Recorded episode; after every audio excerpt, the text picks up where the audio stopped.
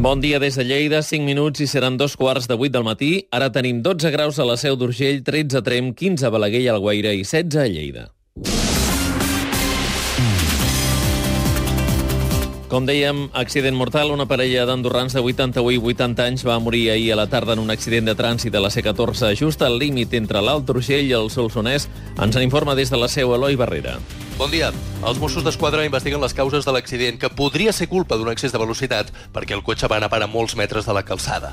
El vehicle, un Mercedes antic amb matrícula d'Andorra, anava en direcció cap a la Seu d'Urgell i, sense topar amb cap altre cotxe, va sortir tot sol de la carretera, just al límit entre Bassella, l'Alt Urgell i Pinell de Solsonès, al Solsonès.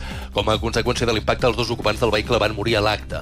Les primeres feines de rescat, amb Mossos, bombers, ambulàncies i un helicòpter, van obligar a tallar la carretera i a partir de quarts de set ja s'hi va donar pas alternatiu.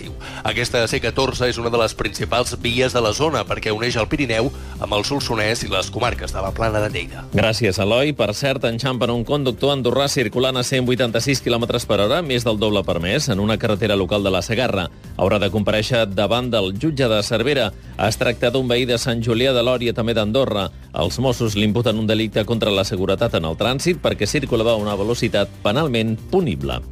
D'altra banda, màxima seguretat per al primer vol procedent d'Israel que arribarà demà a l'aeroport de Lleida, al Guaire. La Guàrdia Civil triplicarà els seus efectius habituals, hi haurà un gos de detecció d'explosius i la Policia Nacional farà un control més estricte de la documentació dels passatgers.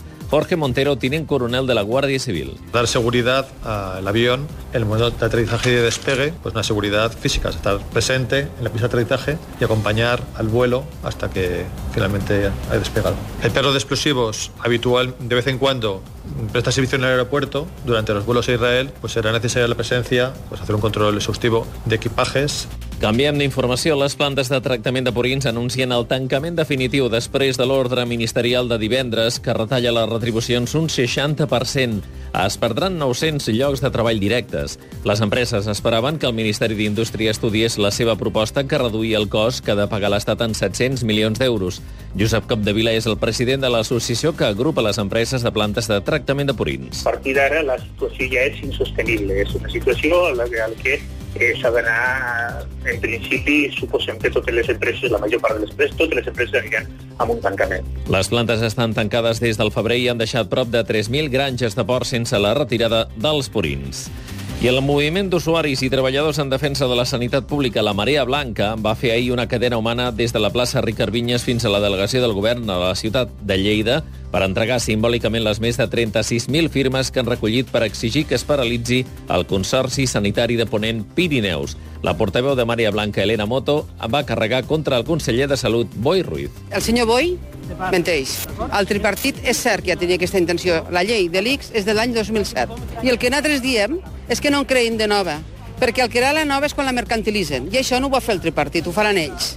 El conseller assegura que s'està buscant la figura jurídica adequada que garanteixi la titularitat pública de l'ENS, gestor que ha d'agrupar la sanitat pública de Lleida. Què passa? Que les limitacions administratives en aquests moments de poder fer una figura jurídica de consorci hi són. I estem treballant jurídicament per veure quina figura jurídica garantitza que això sigui sempre una entitat pública L'eurovinyeta, l'eix transversal, no s'aplicarà de moment. El conseller de Territori Santivil ha rectificat i ara ho condiciona el fet que l'executiu popular faci el mateix a les seves vies. El govern de Catalunya no contribuirem a l'augment la, de la incoherència en la gestió de les vies d'altres prestacions a Catalunya.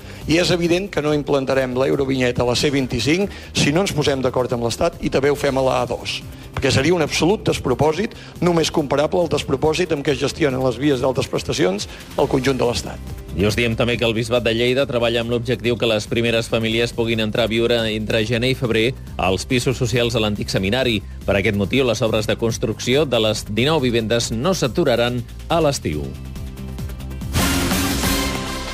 El matí de Catalunya Ràdio. En esports, parlem de futbol. El Lleida Esportiu espera tancar en les pròximes hores el seu primer fitxatge per la temporada 2014-2015. Es tracta del migcampista del Toledo, Àlex Albistegui, que és a punt de complir 27 anys. Albistegui arriba avalat pel nou entrenador de Lleida, Imanol Idiáquez, amb qui va coincidir la temporada passada al Toledo i abans al filial de la Real Societat i el Real Unión d'Irún. També ha jugat amb l'Eibar i el Logroñés. D'altra banda, Lleida ha anunciat 8 baixes a la plantilla d'aquesta última temporada i es van confirmar les del defensa Mario Fuentes i els migcampistes Monforte i Oriol Esteve, que s'afegeixen a les ja conegudes de Mata, Pere Milla, Conaté, Pau Núñez i Jan Marco.